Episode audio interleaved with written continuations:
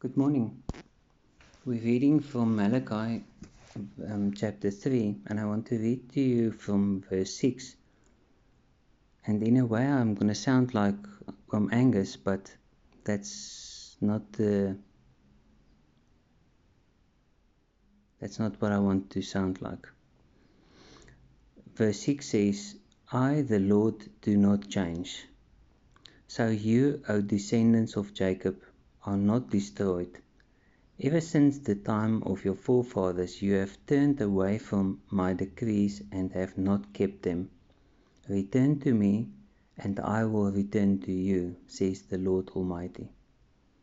But you ask, How are we to return? I think at the end of the day is that that is the question. If we've wandered away I, th- I think, first of all, you need to acknowledge that God is God. And God is not just your friend and your father, but He's God. He's the Almighty God. He's the one that can do anything, nothing is impossible for Him. And and we need to spend time with him to know him. I, I, I just think that we need to get the fear of God back we need to respect God. We need to respect Him for who He is. He's not just a statue standing on our fireplace. So, our fathers prayed, our fathers went to church.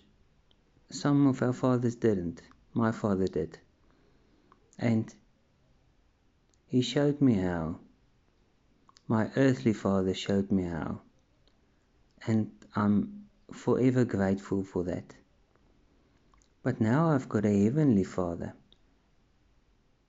But this heavenly father is God as well. We need to respect him for who he is. Get get back into the word, read your Bible, pray continuously are you mirroring Jesus to people around you? I think at the end of the day, this you get this a wristband, the what would Jesus do wristband, and I think if if we all had one on every day, all the time, we would live different lives. Let's focus on what would Jesus do in all that we do. Let's pray.